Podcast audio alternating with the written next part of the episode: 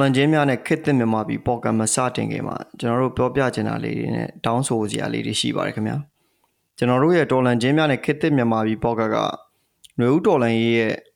တကယ်ဖြစ်ပျက်နေတဲ့တရုတ်မှန်တွေကိုပြောပြတင်ဆက်ပေးဖို့ကျွန်တော်တို့ရည်ရွယ်ထားပါတယ်ပြီးတော့ကျွန်တော်တို့ရဲ့ဒီတော်လန်ရေးမှာပါဝင်နေတဲ့သူတွေရဲ့ကျွန်တော်လှုပ်ဆောင်ချက်တွေပြီးတော့ဒီပြည်သူလူထုပြည်သူလူထုနဲ့ပတ်သက်ပြီးတော့ဒါသူတို့သတင်းမှန်တွေရောက်ဖို့လိုတယ်တကယ်မြေပြင်အခြေအနေကိုနားလည်ပြီးတော့ ကိုလှုပ်တင်လှုပ်လိုက်တာကိုတကယ်နားလည်ဖို့တကယ်လှုပ်ဖို့အတွက်ကိုရည်ရွယ်ထားတာဖြစ်ပါတယ်ခင်ဗျာကျွန်တော်တို့ရဲ့ပြည်သူတွေနိုင်ငံရေးသမားတွေရဲ့အတူရောင်မျက်နှာဖုံးတွေအောက်မှာမိန်မောမနေပဲကိုရိုင်းဖောက်ထွက်ကြဖို့ရည်ရွယ်ပြီးတော့ကြိုးပမ်းထားတာဖြစ်ပါတယ်ခင်ဗျာဒီຫນွေဦးတော်လန်ရဲ့ဘုံရန်သူစစ်အာဏာရှင်ကိုကျွန်တော်တို့တိုက်ထုတ်ရင်းနဲ့အခွင့်အရေးသမားတွေအချောင်သမားတွေကိုပါတခါတည်းဒီဆွဲထုတ်သွားမှာဖြစ်ပါတယ်ခင်ဗျာမြန်မာနိုင်ငံရဲ့ຫນွေဦးတော်လှန်ရေးကအလုံးစုံငြိမ်းချမ်းရေး ဒါမှမဟုတ်အလုံးစုံပျက်စီးရေးကိုအိုးတီနေတဲ့အတွက်ကျွန်တော်တို့အားလုံးနိုင်ရတာဝန်ကိုထမ်းပြီးတော့ကျွန်တော်တို့ကိုတာဝန်ကိုခြေဖို့လိုပါတယ်ခင်ဗျဒါမှကျွန်တော်တို့ကကျွန်တော်တို့ရဲ့မြန်မာနိုင်ငံကိုအကောင်းဆုံးပြန်လည်တည်ဆောက်နိုင်မှာဖြစ်ပါတယ်ဒါဟာကျွန်တော်တို့တော်လန်ချင်းများနဲ့ခေတ်သစ်မြန်မာပြည်ကအတိပေးခြင်းတဲ့အကြောင်းအရာဖြစ်ပါတယ်ခင်ဗျကျွန်တော်တောင်းဆိုချင်တာကတော့ကျွန်တော်တို့ရဲ့ pocket ကိုနားထောင်ရတာသဘောကျတယ်ဆိုရင်မျှဝေပေးပါဝိုင်းဝန်းပံ့ပိုးကူညီပေးပါဝေဖန်အကြံပြုစာတွေလည်းကျွန်တော်တို့ပေးပို့ပေးပါခင်ဗျာဒါမှကျွန်တော်တို့ရဲ့ ဒီ pocket ရေးသွေးနဲ့ကျွန်တော်တို့လောက်ရကင်ရတာပို့ပြီးတော့အဆင်ပြေလာမှာဖြစ်ပါတယ်ခင်ဗျာအားလုံးကိုကျေးဇူးတင်ပါတယ်ခင်ဗျာဒီနေ့ကတော့ဒါကျွန်တော်တို့အခုလွန်မြောက်နေပြီတခုမှာလက်ရှိပေါ့သူတို့လည်းပတ်နေတဲ့ဘဝတွေအခြေအနေနဲ့ပတ်သက်ပြီးတော့ဒါကျွန်တော်တို့အများကြီး interview တွေမှာလည်းပြောခဲ့ပြီးွားပြီးကျွန်တော်တို့ဒီ pocket interview တွေထဲမှာလည်း guest တွေအများကြီးပြောခဲ့ပြီးသွားပြီပေါ့နော် အဲ့ပြီးတော့ရှေ့တန်းမှာလည်းတကယ်လက်ရှိတိုက်နေတဲ့သူတွေရဲ့ဘဝအခြေအနေတွေရောပြီးရင်ဒီ CDN ဝန်ထမ်းတွေပြီးရင် CDN တွေပြီးရင်ကျွန်တော်တို့ပြည်ပမှာတတိယနိုင်ငံကိုလိုမှုရောက်နေတဲ့ CDN တွေအတွက်ကောဒါကျွန်တော်တို့ဒေါ်လာချင်းများနဲ့ခေတ်သစ်မြန်မာပြည်ကနေပြီးတော့တိုင်းနာတစ်ခုတည်တင်ပြပြီးသွားပြီဖြစ်ပါတယ်အခုဆိုလို့ရှိရင်လည်းဒါကျွန်တော်တို့အခုဒါတခြားနိုင်ငံတနိုင်ငံမှာပေါ့နော်ဒါကိုလုံရောက်ရှိနေတဲ့ကျွန်တော်တို့ဒါကျွန်တော်တကယ်ချင်းဆိုလဲဟုတ်တယ်ဆရာဆိုလဲဟုတ်တယ်ပေါ့နော်ဒီ တကယ်ချင်းအကြောင်းကိုဒါကျွန်တော်မေးမြန်းသွားမှာဖြစ်ပါတယ်ကျွန်တော်တခုတောင်းပန်နေတာကကျွန်တော်တို့ပတ်ဝန်းကျင်ကကျွန်တော်တို့လူနေအိမ်ကြီးရက်ွက်နဲ့နီးရဲ့အတွက်ခွေးတန်တွေကလေးတန်တွေတစ်ချက်ပါလာနိုင်ပါတယ်အဲဒါဆိုလို့ရှိရင်တော့ကျွန်တော်တို့ဒါနားထောင်တဲ့သူတွေအနေနဲ့နားလည်လက်ခံပေးဖို့လဲကျွန်တော်တို့ဒါပထမဆုံးတောင်းပန်လိုက်ရပါတယ်ခင်ဗျာကဲဒီနေ့ကျွန်တော်တို့ interview ကိုကျွန်တော်တို့နဲ့စကားပြောဖိတ်ခေါ်ထားတာကတော့ဒါဆရာညီပဲဖြစ်ပါတယ် ဆရာမင်္ဂလာပါခင်ဗျာဟုတ်မင်္ဂလာပါခင်ဗျာဟုတ်ကဲ့ခင်ဗျာဆရာကျွန်တော်တို့ဒါနိုင်ငံရေးနဲ့ပတ်သက်ပြီးတော့အခုလက်ရှိဖြစ်နေတဲ့အနေအထားနဲ့ပတ်သက်ပြီးတော့မပြောခင်မှာဆရာအခုလက်ရှိဒါအခုလည်းပတ်နေတဲ့နေ့စဉ်ဘဝလေးပေါ့နော်လက်ရှိကိုရက်တည်နိုင်အောင်စူးစမ်းနေတဲ့ဘဝလေးကိုတစ်ချက်ကျွန်တော်တို့မိတ်ဆက်ပြီးတော့ပြောပြပေးပါဦးခင်ဗျာအဲကျွန်တော်လက်ရှိကတော့ဒီနေသက်ဒေတာမှာရှိတဲ့ရွှေပြောင်းကလေးတွေကိုကျွန်တော်လက်ရှိစာသင်ပေးနေပါတယ်ခင်ဗျာပြီးတော့ကျွန်တော်တို့ဒီမှာလက်ရှိဒီအခက်အခဲဖြစ်နေတဲ့စီရီယံဝန်ထမ်းတွေအတွ က်ကျွန်တော်တို့နေစရာတွေရအောင်လုပ်ပေးတာတွေအဲတခြားအကူအညီတွေပေးနိုင်အောင်ကျွန်တော်တို့ဒီမှာအဲ့ဒါလေးတွေကြိုးစားပြီးတော့ပြပတ်နေပါတယ်ခင်ဗျာကျေးဇူးတင်ပါတယ်ခင်ဗျာအရန်ကောင်းပါတယ်နှစ်ခုလုံးကတကယ်လုံးနေအဲ့တော့ဆရာအခုကျွန်တော်ဒီနေဆက်ကဒီ migrant migrant ကလေးတွေကိုစာသင်ပေးနေတာဆိုတော့ကျွန်တော်အဲ့အရာနဲ့ပတ်သက်ပြီးတော့မေးခွန်းလေးမေးချင်ပါဆရာသူတို့လက်ရှိအခုဟိုတင် जा နေတဲ့အခြေအနေနဲ့ဟိုကြောင်းနေတဲ့အခြေအနေပေါ့နော် အဲ့ဒါတွေနဲ့ပတ်သက်ပြီးတော့ဆရာဆရာအတွေ့အကြုံရတစ်ချက်မျှဝေပါအောင်ဆရာအဲနေသက်မှာရှိတဲ့ကလေးအတော်များများကကြတော့မိဘတွေကလည်းသူတို့ကအလုပ်သမားတွေဒီအခြေခံလူတန်းစားတွေဆိုတော့ခကြတော့သူတို့ကချို့တဲ့တယ်ဝေးကြီးမတက်နိုင်ဘူးအဲ့လိုကြတော့သူတို့က migrant ချောင်းတွေကိုအားကိုးရတယ်ပေါ့ migrant ချောင်းတွေကြတော့လေဘယ်လိုဖြစ်လဲဆိုတော့သူတို့မှာကအလူရှင်ကနေတယ်ဆိုတဲ့ခကြတော့ funding မရှိအဲ့လိုကြတော့ဟို မပြည့်စုံတဲ့အကြောင်းတွေများတာပေါ့နော်အဲ့တော့ကလေးရဲ့ပညာရေးကနေဆက်မှာတော့ထင်သလောက်ပေါက်ဖို့ခက်တယ်လို့ကျွန်တော်ကတော့မြင်တယ်ခင်ဗျဟုတ်ကဲ့ခင်ဗျာကိုဒါဆိုရင်ကျွန်တော်တို့အခုလက်ရှိမှာစာသင်ကြားမှုတွေကဘယ်လိုပုံစံဖြစ်နေလဲဆရာအခုကတင်တော့တင်နေအရာမရောက်ဘူးဆိုတဲ့ပုံစံမျိုးလုံးဝကြီးဟိုအဆင်မပြေတာမျိုးဖြစ်နေတာလားမဆရာအဲလုံးဝကြီးအဆင်ပြေတာတော့မဟုတ်ဘူးဆရာဆရာမတွေတချို့ဒီဘက်အခုမှကျွန်တော်တို့ဒီဟိုရွှေ့ပြောင်းလာတဲ့ ဒီဘက်ကိုနေဆက်ကိုရောက်လာတဲ့ CDN ဆရာဆရာမတွေရဲ့အင်အားတစ်ခုရလာလို့တာလေဟိုကနေဆက်မှာရှိတဲ့ပညာရေးကဟိုအများကြီးပြောင်းလဲသွားတာပေါ့နော်ဒါတော့ကျွန်တော်အမြင်ပေါ့အဲ့လိုမျိုးတော့ကျွန်တော်အမြင်နဲ့အရင်တော့ကျွန်တော်ဒီမှာရှိတဲ့ဟိုကျောင်းသားအင်အားလည်းနည်းသလိုဆရာအင်အားလည်းနည်းတဲ့အတွက်ကြောင့်မို့လို့ဒီမှာနေဆက်ပညာရေးကထင်သလောက်မပေါက်ဘူးပေါ့နော်ပြီးတော့ဒီမှာရှိတဲ့ချမ်းသာတဲ့လူတွေတော်တော်များများလည်းကျွန်တော်တို့ကဒီဟို migrant school တွေကိုစီကိုမတွားဘဲနဲ့ဒီမှာရှိတဲ့ international school တွေမှာပဲချောင်းတက်တဲ့ခါကျတော့ migrant school တွေကအခြေခံလူရန်သားတွေအတွက်ပဲဟို အောက်ကြီးနဲ့ကန်နဲ့ပွဲတွေလို့ဖြစ်နေတာပေါ့အဲ့လိုမျိုးပုံစံပြောက်အဲ့လိုပုံစံရောက်နေတာပေါ့နော်ဟုတ်ကဲ့ခင်ဗျာပေါ့ဒါဆိုရင်သူတို့ရှိတယ်အရင်ကဆရာဆရာမတွေကြတော့ဟိုဘယ်ကနေအများစုလာတင်ကြတာလဲသူတို့ migrant ကလေးတွေကပဲပြန်ပြီး educate ဖြစ်ပြီးတော့သူတို့ပြန်တင်တာလားဒါမှမဟုတ်တခြားဆရာမတွေသူတို့ဟိုငှားရမ်းပြီးတော့တင်ခိုင်းတာလားခင်ဗျာအဲနိုင်ဝမ်စကူတော်တော်များကြတော့ဒီတော်များတော့ဒီစစ်ရှောင်းတို့အဲ့လိုမျိုးပေါ့နော်တိုင်းသားဒေသကနေပြီးတော့ ဟိုအစီအပြေတို့ထွက်လာတဲ့လူတို့ပြီးတော့အမို့ရင်ဒီရွှေပြောင်းလေးကနေပြီးတော့ပြန်ပြီးတော့အဲ့လိုမျိုးပေါ့နော်ကျွန်တော်10တန်းတချို့10တန်းအောင်လာတဲ့လူတွေတချို့10တန်းထိပဲတက်ဖို့တဲ့လူတွေကနေပြီးတော့အဲ့လိုမျိုးလူတွေကနေပြန်ပြီးတော့ဟို training လေးနေတဲ့ခါကျတော့အဲ့လိုမျိုးစာပြန်တင်ကြရဆိုတော့နည်းနည်းတော့အခက်ခဲတော့ရှိတာပေါ့ခင်ဗျอืมဟုတ်ကဲ့ခင်ဗျာကျ။အော်ဆရာအခုဆိုရင်ဒါ migrant အကြောင်းနေမှာပဲတင်တာပေါ့ဆရာ international school တွေပါတယ်မဟုတ်ဆရာမတင်ဘူးလား။ဟုတ်ကဲ့ international school တွေမှာတော့ လက်ရှိဟိုတင်လို့လည်းအဆင်မပြေဘူးပေါ့နော်ကျွန်တော်တို့ကဒီမှာနေဆက်မှာနေရတာကျတော့တရားမဝင်နေဖြစ်တဲ့ခါကျတော့ international school တွေကနေပြီးတော့တင်မယ်ဆိုလို့ရှိရင်သူကတရားဝင်နေထိုင်ခွင့်တောင်းတယ်အဓိကတော့ပြီးရင်ကျွန်တော်တို့ကဟိုအချိန်ကြီးရဲ့ကြောက်ဒီကိုပြေးလာတယ်ပဲပြောပါတော့နော်ပြေးလာတဲ့လူတွေဖြစ်တဲ့အတွက်ကြောင့်မလို့တော်တော်များဒီဟိုပွဲလက်မလဲပြူလာနိုင်တယ်ဘာမှမယူလာနိုင်ဘူးလေနော်အဲဟိုကို certificate လေးဘာမှယူလာနိုင်တဲ့အတွက်ကြောင့်ဆိုတော့အဲ့လိုမျိုးသူကတက်တဲ့တကူပြစရာတောင်းရင်လေကျွန်တော်တို့မပေးနိုင်ဘာမှလုံးမလုပ်ပေးနိုင်အဲ့လိုဆိုတော့ကြတော့ ဟိုအဖက်ဖက်ကနေပြီးဒီမှာရှိတဲ့ CDM တွေအနေနဲ့လည်း international school တွေမှာတင်ဖို့ဆိုရင်အဲ့လိုမျိုးအဆင်ပြေတာအများကြီးရှိတာပေါ့ဟောဟုတ်ကဲ့ဆရာဟုတ်ဟိုအချို့ကြောင်းနေကြလဲဆရာကျွန်တော်ကြားတာပေါ့နော်လက်ရှိမှာဟိုဘယ်လိုပြောမလဲခေါ်တယ်ဆရာအနေနဲ့တင်ပေးမယ်တို့ပေမဲ့အဲ့လိုမျိုးဟိုဘာသာရေးနဲ့ပတ်သက်ပြီးတော့ကျွန်တော်အဲအကြောင်းတွေမှာဒီဘယ်လို limit ထားတာပေါ့နော်ကန့်သက်ချက်တွေထားတာမျိုးရှိရလို့ကြားရတယ်ဆရာအဲ့ဒါဟုတ်ပါသလားအဲတချို့ကြတော့ဒီသူတို့ရဲ့ community ပေါ့နော်သူတို့ community အဥမာကျွန်တော်တို့က Korean community ဆိုလို့ရှိရင်သူတို့က Korean community အတိုင်းပဲတော့သွားကျင်နေဖြစ်တဲ့အတွက်တ ခြားလူတွေခေါ်မတင်တာမျိုးရှိတယ်တချို့ဆိုရင်ကြတော့လေအဲ့လိုမျိုးပေါ့နော်ဟို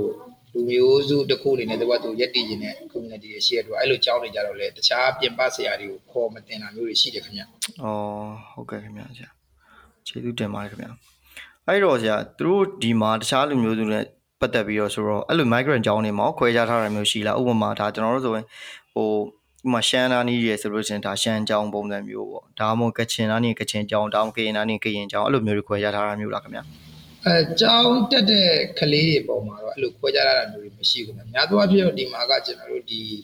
ဟို INGO တွေများတယ်ပေါ့နော်ဆိုတော့ INGO တွေတချို့ INGO နဲ့ဆက်ဆက်နေတဲ့အဖွဲ့အစည်းတွေပေါ့အဲ့ဒီအဖွဲ့အစည်းတွေကြတော့တချို့အဖွဲ့အစည်းတွေကြတော့သူတို့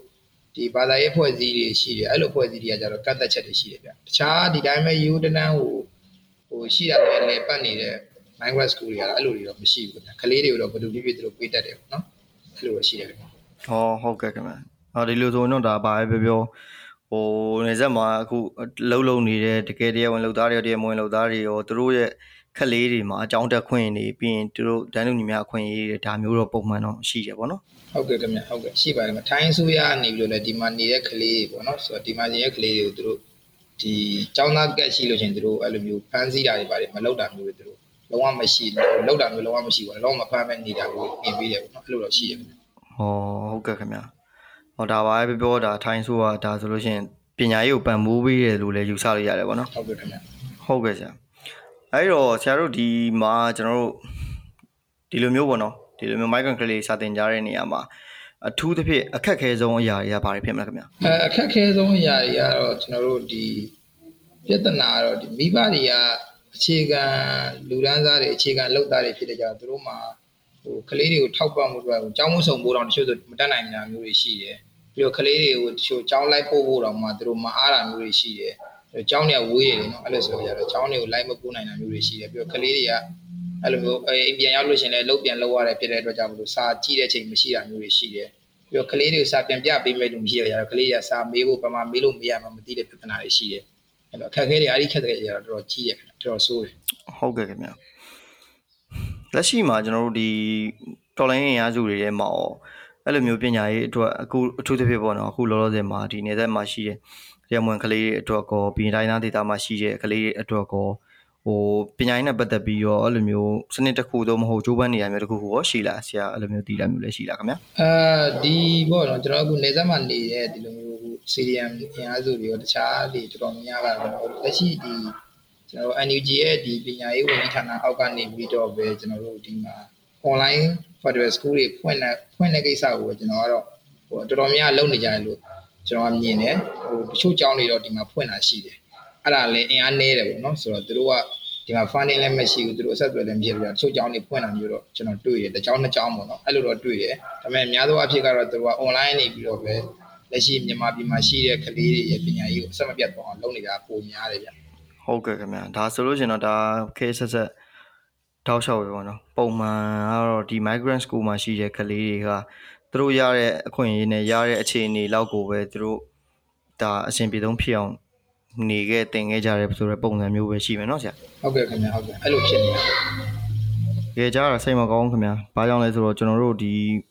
IDB ကန်နေမှာဖြစ်နေတဲ့ပြဿနာတွေပြီးရင်ကလေးတွေရဲ့ပညာရေးတွေဘာပြောပြောပြဆရာရယ်ကျွန်တော်တို့ဟိုနိုင်ငံနိုင်ငံရဲ့ဟိုအခြေခံအုတ်မြစ်ဆိုတာဘာပြောအခြေခံလူဒန်းစားပဲဟုတ်ဒီလိုအခြေခံလူဒန်းစားတွေကတကယ်ပညာတတ်မှနားလေသဘောပေါက်မှတကယ်နိုင်ငံရဲ့အခြေအနေကိုအများကြီးထူထောင်နိုင်တာဟုတ်အခြေအနေအများကြီးပြောင်းလဲသွားနိုင်တာဟုတ်အဲ့အတွက်ဆရာတို့လည်းတကယ်လည်းကျေးဇူးတင်ပါတယ်။ဘာကြောင့်လဲဆိုတော့အခြေခံမှာရှိတဲ့အလုပ်ကလေးတွေသူတို့တကယ်နားလေသဘောပေါက်အောင်တကယ်ပညာတတ်အောင်သင်ပေးနိုင်ဖို့ဆရာဆရာတို့ဒါ ဝိုင်းပြီးလုပ်ပေးမယ်တကယ်စိတ်စိတ်စေတနာရှိမဲ့လူမျိုးနဲ့မှာပဲအဆင်ပြေမှာမဟုတ်ရင်မလွယ်ဘူးခင်ဗျာနော်။ဟုတ်ကဲ့ခင်ဗျာဒီမှာရှိတဲ့ပြဿနာကြတော့ဒီမှာဟိုဖြစ်ဆက်ဆက်ဒီ migrant ကလေးတွေရဲ့သူတို့ပြဿနာသူတို့ကဘာမှသူတို့ကတချို့ဆိုရင်စာ2နှစ်မတင်အောင်3နှစ်မတင်အောင်4နှစ်မတင်အောင်တချို့အသက်ကြီးမှချောင်းပြန်တက်ကြတယ်အဲ့လိုမျိုးပေါ့နော်တချို့ဆိုစစ်ရှောင်ရတယ်စစ်ရှောင်ပြီးတော့မှဒီဘက်ကိုရောက်လာတယ်စစ်ရှောင်လာ2နှစ်လောက်စစ်ရှောင်လာရတယ်ဟိုမှာလည်းချောင်းမတက်ခဲ့ရဘူး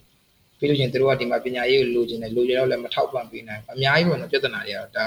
ဟိုများသောအားဖြင့်တိုင်းရင်းသားတွေမြန်မာပြည်ရဲ့အခြေခံလူသားသားတွေရဲ့ဒုက္ခပေါ့နော်အဲ့ဒါကိုနေသက်မှာတော့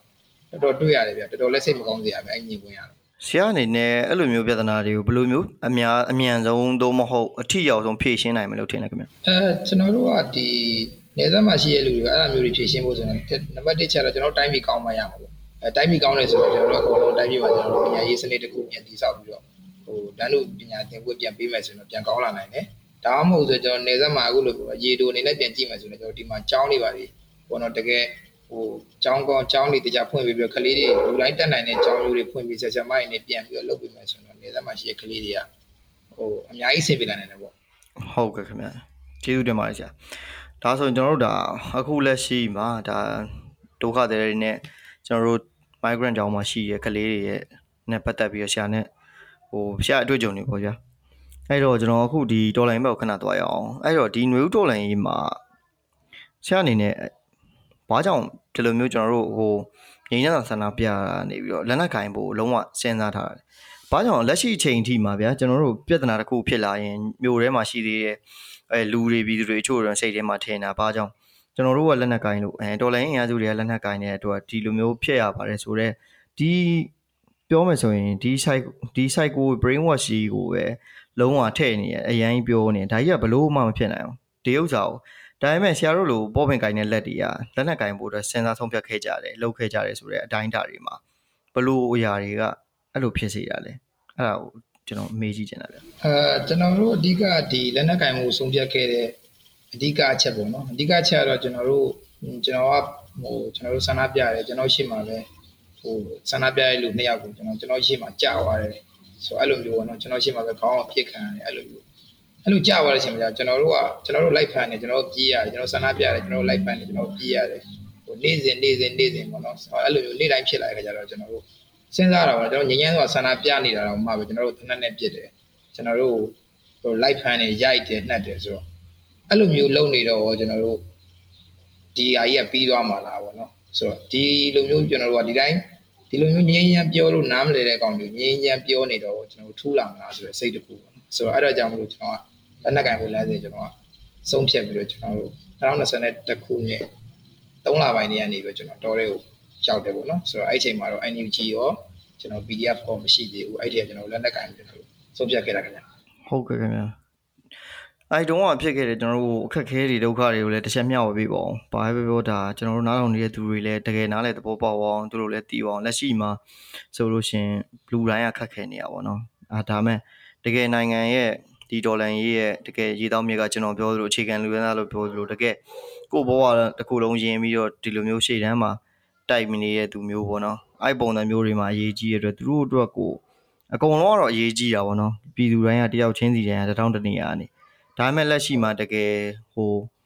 ထိရတွေ့ရမယ်တကယ်မြင်မြင်အကျိုးဖြစ်ထွန်းနိုင်မဲ့ကိစ္စမျိုးပေါ်ဆောင်နေတဲ့သူတွေအတွက်ပေါ့အကိုတို့ဒီတောထဲကိုသွားတဲ့အချိန်မှာခက်တွေ့ကြုံရတဲ့အခက်အခဲဒုက္ခတွေလည်းပြောပြပြပါဦးအဲကျွန်တော်တို့တောထဲသွားတဲ့အချိန်မှာတွေ့ရတဲ့တွေ့ရတဲ့အခက်အခဲဆုံးဒုက္ခကတော့ကျွန်တော်ရောက်ချင်းပေါ့နော်ရောက်တဲ့အခါကျတော့တောဆိုတော့ကျွန်တော်အခါမှရောက်ကြတာမဟုတ်ဘူးကျွန်တော်ကအလေးဆုံးကမာကာပဲကင်ပြတာဆိုတော့ပြဿနာကြတော့ ကျွန်တော်ကမှဆိုကျွန်တော်တို့ဟို KNU နေမိလည်းရောက်တယ်အဲ့တော့ကျွန်တော်တနတ်စကန်ရတနတ်စကန်ရဆိုရင်ကျွန်တော်တို့ကကျွန်တော်နဲ့တနတ်ဆိုတာကငငယ်တော့ကစားဦးတယ်ကျွန်တော်တို့အယုတ်တနတ်လောက်ပြစ်ဘူးလားဆိုတော့အပြဿနာတနတ်ပြစ်တတ်ဖို့ကျွန်တော်ပြန်သင်ရမယ်ဆိုတော့ပြဿနာအများကြီးပေါ့နော်ပြီးတော့ကျွန်တော်တို့ကအဲ့မှာရှိရဲပေါ့နော်အဲ့မှာနေအဲ့နေကန်ဒီပေါ့နော်ဆိုတော့အဲ့နေကန်တွေကိုကြီးတဲ့အခါမှာလဲဆိုတော့သူတို့ကဘာမှမသိရှာဘူးကျွန်တော်တို့အာနာသိန်းဝါတော့မသိဘူးသူတို့ကဆိုတော့ဖုန်းလိုင်းလည်းမရှိဘူးသူတို့မှာ ဘာမှမရှိဘူးမီးလည်းမရှိဘာမှမရှိဘူးသူတို့ကအာနာသိန်းဝါဆိုတာလည်းမသိဘူးဟိုဘာတွေဖြစ်နေလဲဆိုတာလည်းသူတို့မသိဘူးဆိုတော့အဲအပေါ်ကလူတွေကအာနာသိန်းဝါဆိုတော့မအာနာသိန်းဝါအာနာသိန်းဝါတော့မှသူကဘယ်သူကသိန်းလို့သိန်းဝါမှလည်းသူကမသိဆိုတော့အဲ့လိုမျိုးပေါ့နော်ကျွန်တော်တို့စီမှာလူလန်းစားကအရန်ကိုကွာခြားချက်တွေကြီးရတယ်ကျွန်တော်တွေ့ရတယ်အဲ့ဒါတွေတွေ့ပြီးကျွန်တော်တို့အံ့ဩရတယ်စိတ်မကောင်းဖြစ်ရတယ်ဝမ်းနည်းရတယ်ဆိုတော့အများကြီးပေါ့နော်ကျွန်တော်တို့အဲ့မှာကြုံတွေ့ရတဲ့အခက်အခဲရတော့အဲ့လိုမျိုးသူတို့ data တွေမှာဒီလောက်တောင်မှပဲ ဆိုးဆိုးဝါးဖြစ်နေတဲ့ data တွေမျိုးပြီးမှအများကြီးကြံသေးတယ်ဆိုတော့ကျွန်တော်အဲ့အချိန်မှာသိလိုက်ရတယ်အဲ့ခံစားချက်တွေဖြစ်တယ်ပြီးတော့ကျွန်တော်တို့ဟိုရေရမ်းရှားတယ်ကျွန်တော်ကຫນွေဘက်ဖြစ်သွားတဲ့အချိန်ကျတော့ရေရှားတော့ရေတောက်စရာမရှိဘူးအဲ့လိုမျိုးပေါ့ရေချိုးစရာနေရာမရှိဘူးလို့ပြီးတော့ကျွန်တော်ပကတ်နဲ့အိပ်ရတယ်ဟိုအိမ်မှာပဲအိတ်လာတယ်အိတ်ရပုံမှာပဲအိတ်လာတဲ့ကောင်ဆိုတော့ပကတ်နဲ့ရတာက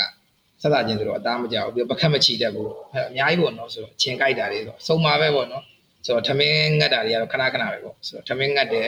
ဟိုတစ်တလုံးအသားဟင်းနဲ့စားရတဲ့ကောင်ကအသားဟင်းမရှိလို့ရှောက်អော်တယ်ပေါ့နော်ကျွန်တော်ကျွန်တော်တော်ထဲမှာဟိုအသားဟင်းစားကြတယ်လို့တလားလောက်သားဟင်းမစားကြတော့တော်ထဲမှာရှောက်អော်တယ်အသားအသားအသားဆိုပြီးတော့ကျွန်တော်တို့ပြောစားကြတယ်အသားဆိုပြီးတော့ကျွန်တော်နာမည်ဆိုတော့အဲ့လောက်ထိခက်ခဲခဲ့တယ်ပေါ့နော်အဲ့ဒါရောရှိခဲ့ပြီလေအေးဗျာတော်လိုင်းကြီးသာပြီးသွားပြီဆိုလို့ရှိရင်အောင်မြင်နဲ့ပြီးသွားပြီးနောက်ပိုင်းဆိုတော့ကျွန်တော်တို့တော့ပြောကြ story ရောအရန်များပါပဲခင်ဗျတကယ်ဗျာ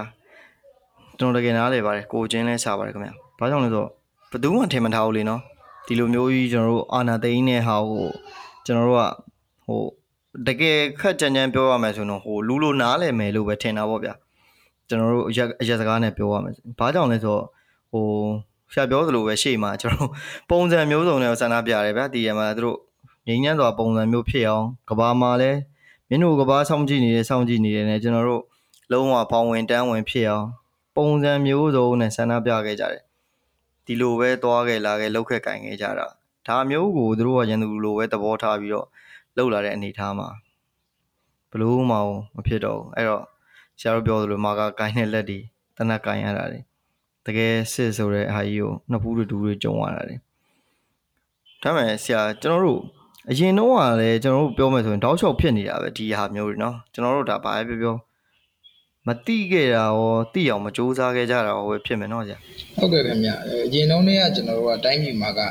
ဒီပြဿနာတွေကရှိပြီးသားပဲဟိုကျွန်တော်တို့ကကျွန်တော်တို့နေရာလေးကွက်ပြီးတော့အေးနေလို့ကျွန်တော်တို့ကဒီ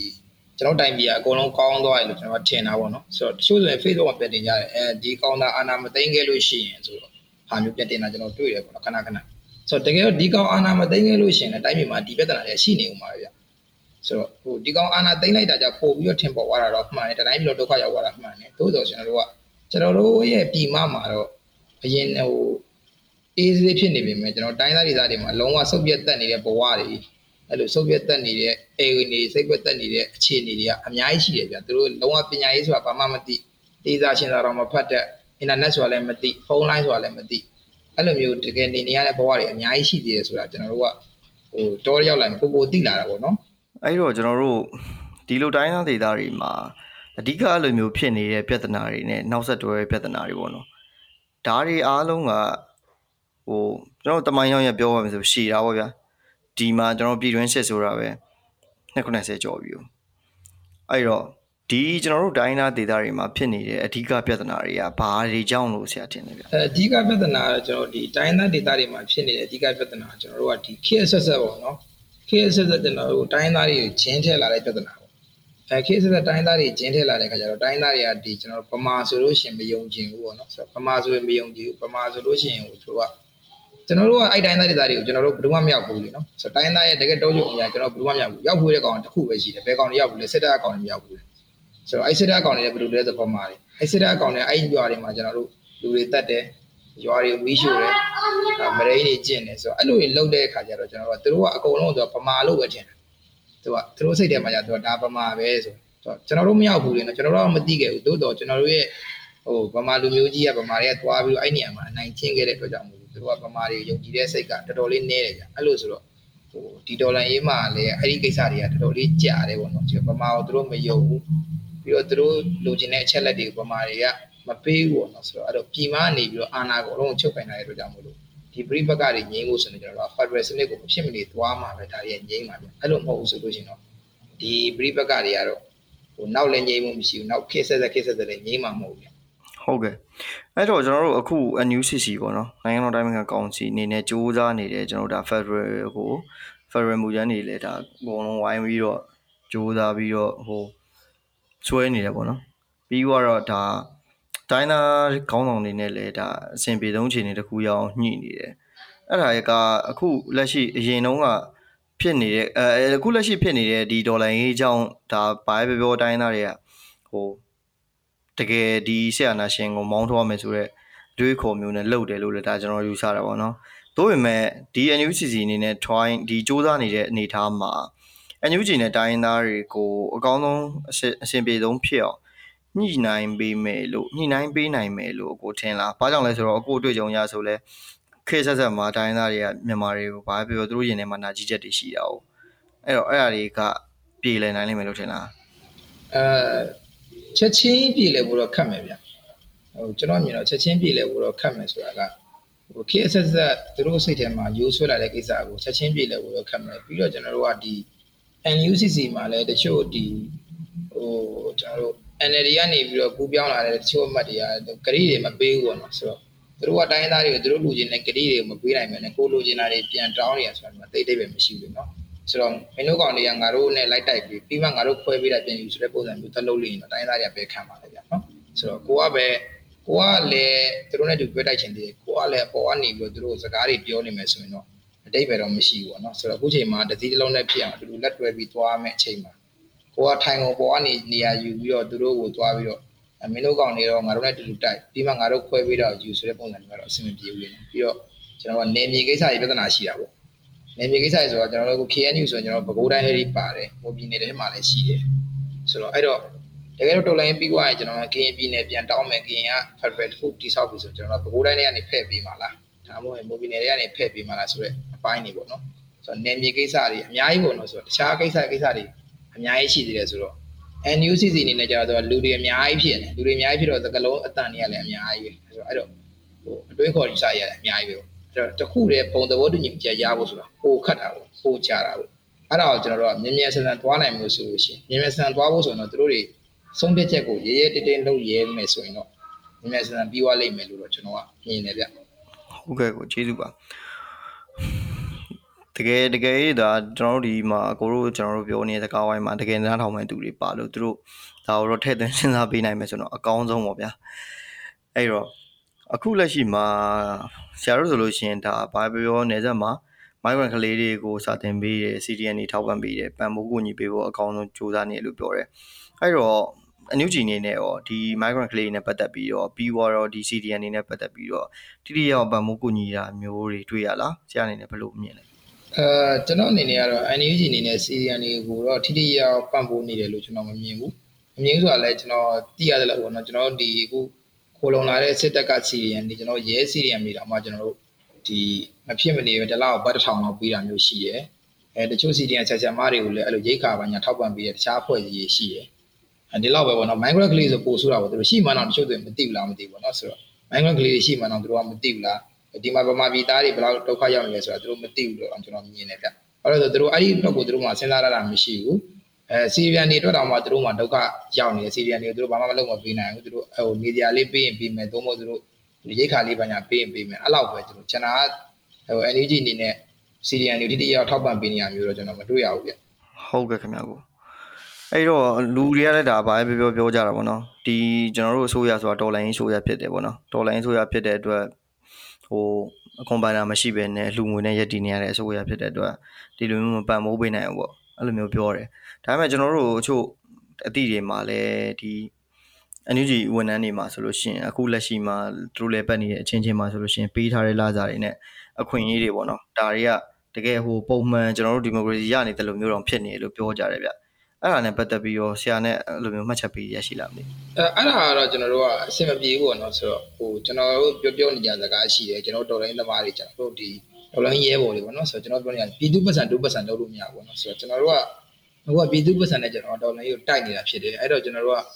ဒီဒေါ်လာရင်းမှာတကယ်လိုအပ်တဲ့နေရာတွေကိုပဲကျွန်တော်တို့ကသုံးဖို့လိုတယ်ပေါ့နော်ဆိုတော့တကယ်မလိုအပ်ဘယ်နဲ့ထားပါတော့ကြာကျွန်တော်တို့ကဟိုဟိုဝင်ကြီးရနေဖို့ဆိုပါတော့ဗျာဝင်ကြီးရနေဖို့ကျွန်တော်တို့အိမ်တလုံး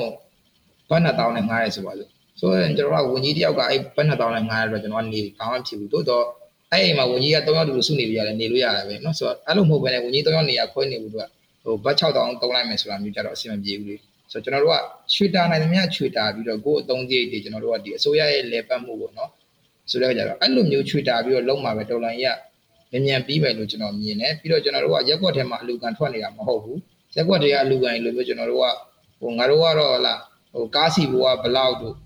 ဟလာငါတို့လက်ဖေးဘိုးကဘလောက်တို့ဖလားတွေကနေပြီးတော့ပြန်ရှင်းလိုက်မယ်ဆိုတာမျိုးတွေအဆင်မပြေဘူးအဲ့လိုမျိုးလုပ်နေရင်တော့ကျွန်တော်တို့ကရက်ကွက်ထဲကအလူကန်ပဲဖြစ်နေမယ်ကျွန်တော်တို့ကတော်လိုင်းကြီးမှာထိထိရောက်လုံးမှာပဲတော်လိုင်းရဲ့အစိုးရဆိုပြီးကျွန်တော်တို့ခေါ်တာပို့ပြီးအဆင်ပြေလိမ့်မယ်ဗျဟုတ်ကဲ့ခင်ဗျာဆရာကျေးဇူးတင်ပါတယ်ဆရာအခုလိုမျိုးဒါဘာပဲပြောပွင့်လင်းထီထီရောက်ထောက်ပြပေးနိုင်တာပေါ့နော်အဲ့တော့ကျွန်တော်တို့အကယ်၍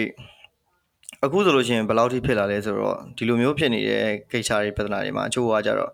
ဟိုပြောပြပေးတာမျိုးပေါ့နော်အခုလိုဆရာတို့ပြောပြတယ်ထောက်ထောက်ပြပေးတာမျိုးအချို့ကလည်းမပြောရဲဘူးပေါ့နော်အဲ့လိုမျိုးတချို့ကြတော့လဲဒါမင်းရဲ့ဒလန်လားဘာမျိုးဆိုတော့ခေါင်းစဉ်တက်ခံရတာတွေကြောက်တယ်ပေါ့နော်အဲ့လိုမျိုးအနေထားမှာကြတော့ဟိုလက်ရှိမှာကျွန်တော်တို့ဒီအခုဟာ Federal Democracy အတွက်ကိုသွားနေရပါတော့။ဒါပေမဲ့တဖြည်းဖြည်းနဲ့နောက်က Democracy ဆိုတဲ့စကားလုံးကပါပါပါပါလာပြီးတော့ကျွန်တော်တို့ Federal Federal ပဲပြောနေတဲ့အနေအထားမျိုးမှာအကယ်၍မြန်မာနိုင်ငံသားအကယ်ဒီကျွန်တော်တို့ຫນွေဥတော်လိုင်းပြန်လည်အောင်မြင်သွားမယ်ဆိုရင် ကျွန်တော်တို့ဒီမြန်မာနိုင်ငံကဥမာစစ်နယ်ရှင်အသေးစားလေးတွေမျိုးလို့ဖြစ်သွားမလား။ဒါမှမဟုတ်တကယ်ပဲကျွန်တော်တို့ရှေ့မှာပြောခဲ့သလို Federal Democracy ဆိုတာရောတကယ်လည်းပြန်ပြီးတော့အကောင့်တွေပေါ်နိုင်မဲ့အနေအထားဖြစ်မလားဘယ်လိုမျိုးထင်လဲဆရာအဲကျွန်တော်အမြင်ကတော့ဒီဒါကကျွန်တော်တို့ဒီအုပ်ချုပ်တဲ့အဖွဲ့အစည်းနဲ့ဆိုင်လိုက်မယ်ဗျာနော်ဆိုတော့ဒါကကျွန်တော်တို့လုပ်ပေးလို့ရတဲ့ကိစ္စတော့မဟုတ်ကျွန်တော်ကတော့ဒီ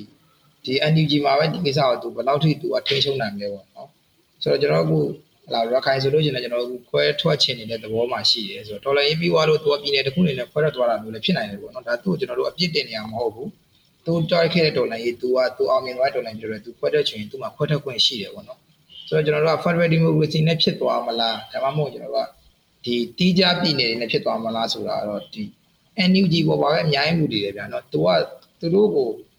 သူတို့အခွင့်အရေးကောင်းကောင်းပေးနိုင်တယ်ဆိုရင်တော့အကုန်လုံးပြည်တော်စုဆိုတဲ့စကားလုံးအောက်မှာပဲနေမှာပေါ့နော် ဆိုတော့မဟုတ်ဘူးဆိုရင်တော့ကိုကလည်းငါတို့လည်းလှုပ်ရှင်တာလုပ်ပါမင်းတို့လည်းလှုပ်ရှင်တာလုပ်ဆိုတဲ့ပုံစံမျိုးတော့ဖြစ်သွားမယ်ဆိုရင်တော့အဲဆိုရင်တော့အကုန်ကွဲထွက်ကုန်ပါဗျာဒါကျွန်တော်အမြင်ပါ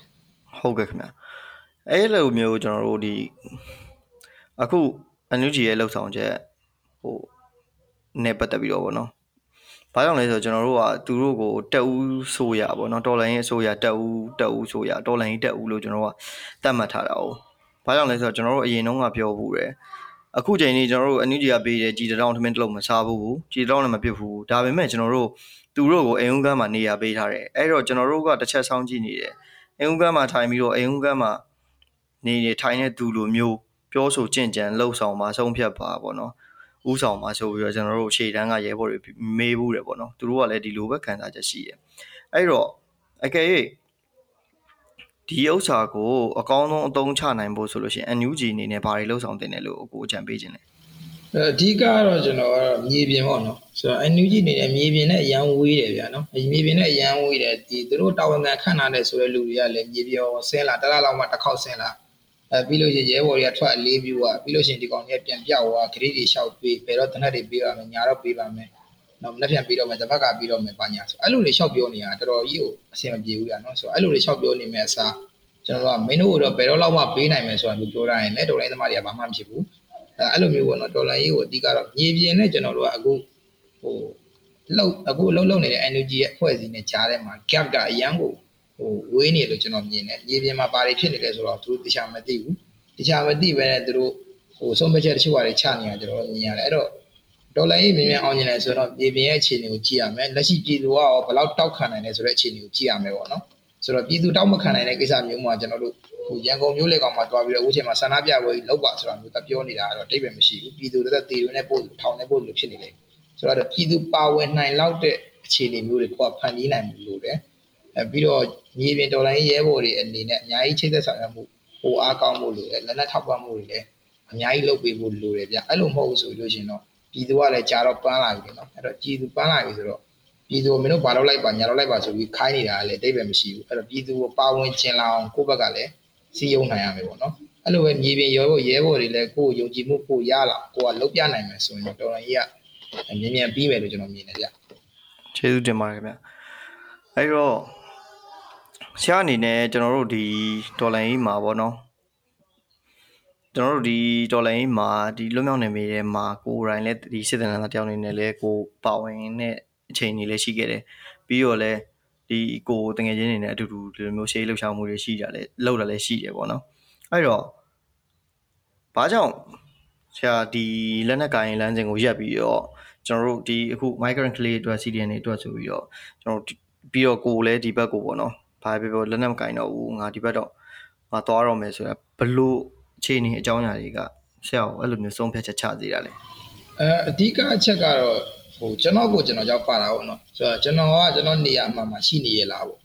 ဟိုကျွန်တော်တနက်ကင်ပြီးတိုက်လိုက်လို့ရှိရင်ဟောကျွန်တော်ဘယ်လောက်လုံးနိုင်မလဲပေါ့နော်ကျွန်တော်ခန္ဓာကိုယ်ကြက်ခိုင်မှုကလည်းအရန်ကောင်းတဲ့လူမဟုတ်ဘူးဟိုကျွန်တော်ခန္ဓာကိုယ်ကြက်ခိုင်မှုကကျွန်တော်သိတယ်ကျွန်တော်စစ်တိုက်လို့လည်းကျွန်တော်ကဟိုအရန် performance ကောင်းတဲ့စစ်သားတယောက်ဖြစ်မှာမဟုတ်ဘူးဆိုတော့အဲ့တော့သိတဲ့ကြောင့်ကျွန်တော်အနေနဲ့ဟိုစစ်ဆက်တိုက်နေလားဒါမှမဟုတ်တကယ်ရောတိုက်เสียရှိလို့လားပေါ့နော် ဆိုတော့ကျွန်တော်တို့မှစစ်တိုက်ရအခုထိအောင်ကျွန်တော်မတိုက်ရသေးကျွန်တော်ထွက်လာလည်းနည်းကြာပြီအခုထိကျွန်တော်ကောင်းနေတိုက်ပွဲမတိုက်ကဘူးဆိုတော့ကျွန်တော်ထွက်လာတော့လည်းမတိုက်ကဘူးကျွန်တော်ထွက်သွားပြီးနောက်ပိုင်းမှာလည်းအခုထိမတိုက်ရသေးဘူးကျွန်တော်အခုချိန်မှာရှိနေရဆိုရင်လည်းကျွန်တော်ဒီကြားထဲမှာစာတင်ပေးလိုက်တာအမှားပဲအဖတ်တော်တင်နေဦးမယ်ဘာမှလည်းဟိုမှာလည်းအခုထိလည်းဟိုဘာမှလှုပ်ရှားမှုလည်းတင်မလုံးနိုင်သေးဘူးဆိုတော့အဲ့လိုမျိုးပေါ့နော်ဆိုတော့တကယ်တိုက်ခွင့်ရမယ်ဆိုရင်လူတိုင်းကတိုက်ချင်တယ်ကျွန်တော်ကိုယ်တိုင်လည်းတိုက်ချင်တယ်တကယ်တိုက်ပွဲမှာ တကယ်အမှန်ကျွန်တော်တို့ဘယ်ဝဲဖြစ်ဖြစ်ပေါ့နော်လက်နက်ပြည့်စုံတဲ့တိုက်ခွင့်ရမယ်ဆိုကျွန်တော်တို့ကလူတိုင်းဒီကျွန်တော်တို့ဒီမှာရှိတော်လုံးရဲဘော်တိုင်းဒီတိုက်ချင်စိတ်အပြည့်အဝရှိတယ်သို့တော့ကျွန်တော်တို့ကိုဟိုဘာကိုတိုက်ရမယ်ဘယ်တော့တိုက်ရမယ်လို့နော်ဟိုဘယ်တော့လောက်ရမယ်ဆိုတာမျိုးတွေမရှိဘူးအဓိကတော့ကျွန်တော်မှရှိတယ်ကျွန်တော်ကိုယ်ပိုင်ဝယ်ထားတဲ့ကျွန်တော်ဟိုကိုယ်ပိုင်တနက်လည်းရှိတယ်ဆိုတော့အဲ့တနက်လည်းကျွန်တော်တိုက်ပွဲထဲမှာဟိုပြောမယ်ဆိုတော့မတော်ဆပါတော့ဆိုတော့ပျောက်ဆုံးသွားတယ်အဲ့ဒီအတွက်ကြောင့်လည်းပါတယ်ပေါ့နော်ဆိုတော့အများကြီးပေါ့နော်ကျွန်တော်ပြောချင်တာကအဓိကတော့ အဲ့ဒါထက်ကိုကျွန်တော်တို့ကဒီတိုက်ပွဲဖော်ဆောင်နိုင်တဲ့အင်အားနည်းတယ်အဲ့တော့ကျွန်တော်တို့ကတောထဲမှာထိုင်နေရမှာလားပေါ့နော်ဆိုတော့ဒီတိုင်းနေ့စဉ်ရက်ဆက်ထိုင်နေရတဲ့ခါကျတော့တူတူကိုကိုပဲနေတော့ကျွန်တော်တို့ကကိုယ့်ကိုဘာမှမသိဘူးဘာကောင်မှမသိတော့ဘူးနော်ဟိုမနက်မိုးလင်းလာတဲ့မနက်မိုးလင်းလာကျွန်တော်တို့အဲဘာနဲ့စားမယ်နောက်နေ့မနက်ဘာနဲ့စားမယ်ဆိုတာတော့စိတ်တွေရှိတော့တယ်ဆိုတော့နေရတော့အဆင်ပြေပေါ့နော်ဆိုတော့အဲ့လိုခဏခဏဖြစ်လာတဲ့ခါကျတော့ကျွန်တော်အနေနဲ့ဒီလက်နက်ကင်ရတဲ့ခိတခဏပေါ့နော်ဆိုတော့အဲ့လိုမျိုးဆုံးမသွားတဲ့ပုံစံမျိုးပါပဲတကယ်လို့မြန်တိုက်ပွဲကြီးကြီးမှဖြစ်လို့ တိုင်းပြည်ကတကယ်တမ်းစစ်သားလိုအပ်လို့ရှိရင်ကျွန်တော်အနေနဲ့တနက်ပြတ်ခိုင်မှုရှိပါသေးတယ်ဗျတကယ်ကျေးဇူးတင်ပါတယ်ခင်ဗျာ။ဘာကြောင့်လဲဆိုတော့ဟိုအဲ့လိုလိုမျိုးတွေကျွန်တော်အများကြီးတွေ့လို့လေကျွန်တော်စကားပြောတယ်ကျွန်တော်မေးတယ်သူတို့ပြောပြတဲ့အချိန်မှာတကယ်အဲ့လိုမျိုးစိတ်ဆန္ဒရှိရယ်။အဲ့ဒီတော့လည်းအခုဆိုရင်ကျွန်တော်တို့ဒါကျွန်တော်နိုင်ငံတကာမှာဆိုလို့ရှိရင်ဟိုဒီလောက်ပြောမယ်ဆိုဗျာငွေရင်အားဆင့်ရင်အားလူသူရင်လက်နက်ရအကုန်တောင်းတင်းတဲ့ဖက်ဖက်ကပြည့်စုံတဲ့စစ်တပ်မျိုးကိုကျွန်တော်တို့ကလုံးဝမင်းတို့ ဒီလိုလုပ်တယ်မင်းတို့တော့မှတကယ်တရားဥပဒေကိုတကယ်လုံးဝခယူးမဆိုင်ပဲနဲ့မင်းတို့လှုပ်ချင်ရလှုပ်သေးရဲ့ဆိုလို့ရှင်ငါတို့ကအမှန်တရားဘက်ကဘယ်လောက်ရက်နိုင်နေဆိုတာမျိုးကျွန်တော်တို့ပြတာလုံးဝကျွန်တော်ရှေ့မှာညညဆန္ဒပြတဲ့အချိန်တုန်းကလည်းဒီတိုင်းသေခဲ့တဲ့လူတွေတပုံကြီးပဲဒိုင်းကင်ပြီးသေသွားတဲ့လူတွေအလံကင်ပြီးသေသွားတဲ့လူတွေကျွန်တော်တို့ post ကလေးဟို post ကလေးကင်ပြီးတော့ကျွန်တော်တို့ကတ်ထူကြားလေးကင်ပြီးသေသွားတဲ့လူတွေလည်းတပုံကြီးပဲဗျာကျွန်တော်အဲ့လောက်ထိသွေးရဲသလိုပဲတကယ်ရှေ့တန်းမှာလည်း ဟိုလက်နက်မပါဘဲနေဟိုဗျာသူတို့ရှီကလက်နက်ရမှာကောက်ပြီးပြန်ပစ်မယ်ဆိုပြီးတေသွားတဲ့ကောင်တွေအများကြီးပဲဗျာကျွန်တော်တို့ကအဲ့လိုမျိုးတွေအတွက်ဟိုအခုဆိုဆရာပြောတဲ့အချိန်မှာဆိုရင်ဒါဒါမျိုးပေါ့နော်ကျွန်တော်တို့အချက်အင်းရရင်အခွင့်အရေးရရင်ကျွန်တော်တို့ရရင်ရသလိုကျွန်တော်ပြန်တော့မှာပြန်လုံးမှာဆိုတဲ့စိတ်ဓာတ်တွေရှိနေတဲ့အတွက်တော်လိုင်းကဒီလောက်ထိတာသွားနေရလို့ထင်တယ်ပေါ့နော်အဲ့ဒီချိန်မှာအခုလက်ရှိဆရာပြောခဲ့သလို NUG အနေနဲ့ဒီအခွင့်အရေးကိုကောင်းကောင်းအသုံးချနိုင်ကောင်းမယ်။ဘာကြောင့်လဲဆိုတော့ပြည်သူတွေရဲ့စိတ်ဓာတ်ကဒီတော်လိုင်းမှာဟိုးနှွေးတော်လိုင်းအစ ကျွန်တော်စအာနာစသိနေဒီနေ့ချိန်ထိရုပ်ရော်သွားတာမျိုးကျွန်တော်မတွေ့ဘူးဗျာတနေ့တနေ့တိုးတိုးတိုးတိုးလာတာပဲရှိတယ်အမြင်တွေပိုကျဲလာတယ်အသိပညာတွေပိုကျွဲလာတယ်နိုင်ငံရေးနဲ့ပတ်သက်ပြီးတော့ပိုမြင်လာတယ်တိုင်းပြည်အခြေအနေကိုပိုပြီးတော့ခြုံငုံပြောဆိုသုံးသပ်လာနိုင်တယ်ဒါမျိုးတွေပဲတိုးတက်နေရပြည်သူတယောက်ချင်းစီမှာ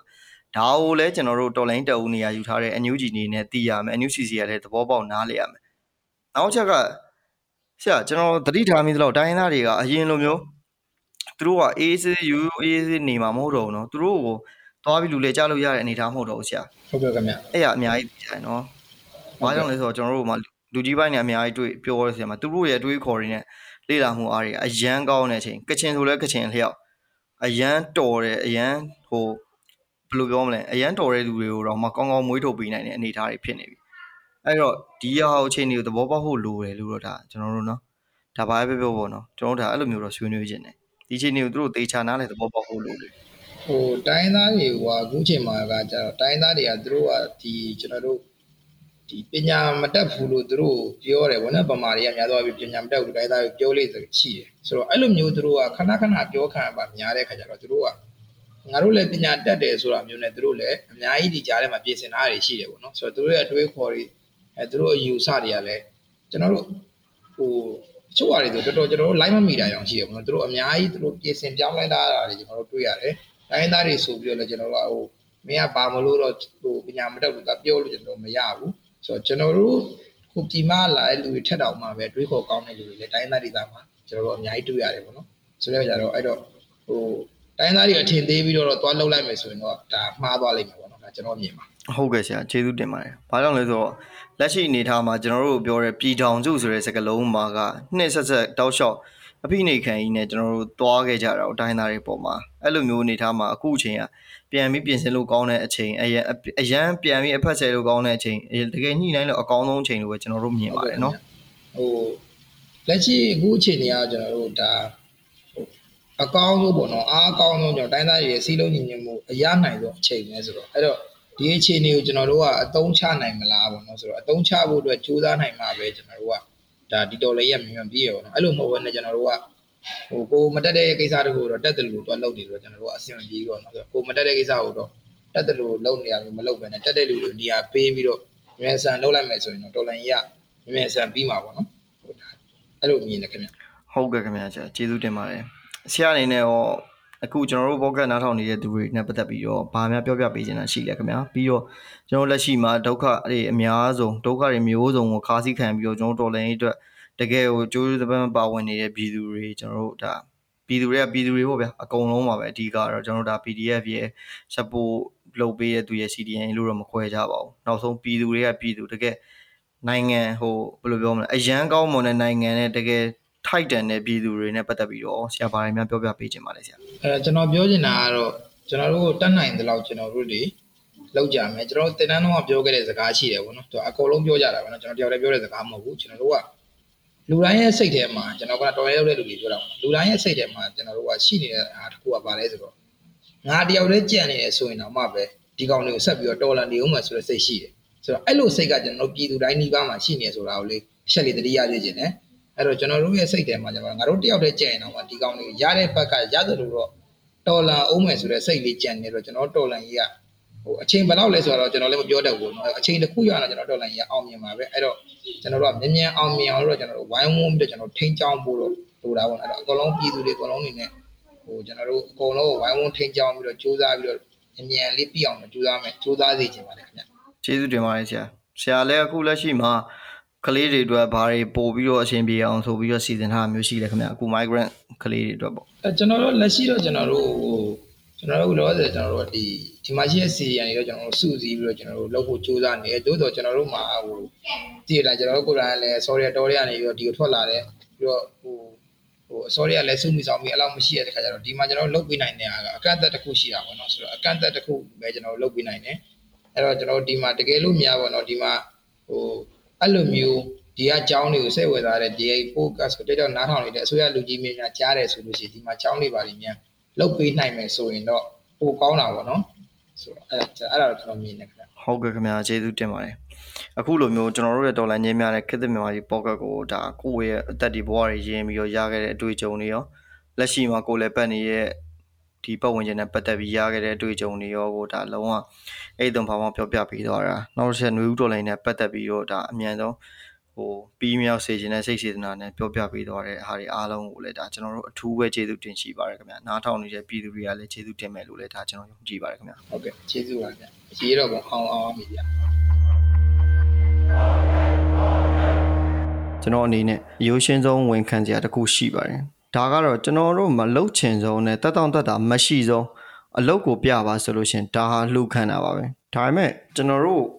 ဒီဥစ္စာကလည်းတစ်ဖက်မှာတကယ်လိုအပ်တဲ့လိုအပ်ချက်လုံးသင်းလုံးထိုက်တဲ့အလုပ်ဖြစ်နေပြန်ပါတယ်ဒါဟာတော်လန်ချင်းများနဲ့ခေတ်သစ်မြန်မာပြည်ပေါ့ကတ်ကိုစတင်တော့ဆိုရင်ဒါအတက်နိုင်ဆုံးအကုန်လုံးအိတ်ဆိုင်ပဲလုပ်ခဲ့ကြရတာပါကျွန်တော်တို့ကိုယ်ပိုင် laptop တွေကိုယ်ပိုင် earphone တွေကိုယ်ပိုင် headphone တွေ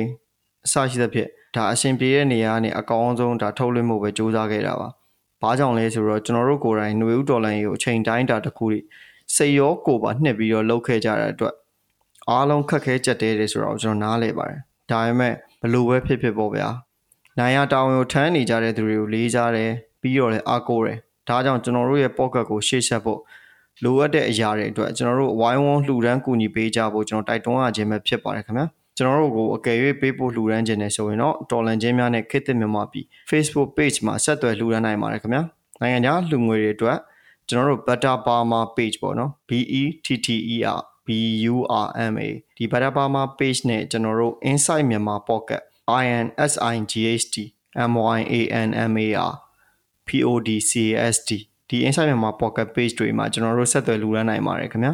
ကျွန်တော်တို့အကောင်းဆုံးစ조사သွားမှာပါ မြေပြင်မှာရှိတဲ့သတင်းတွေကိုလည်းပြည်သူတွေအတွက်အကောင်းဆုံးနားထောင်လို့ရအောင်တောက်လျှောက်ကြိုးပမ်းသွားမှာဖြစ်ပါတယ်ခင်ဗျာမြမပြည်အမြန်ဆုံးလွတ်လပ်ပါစေ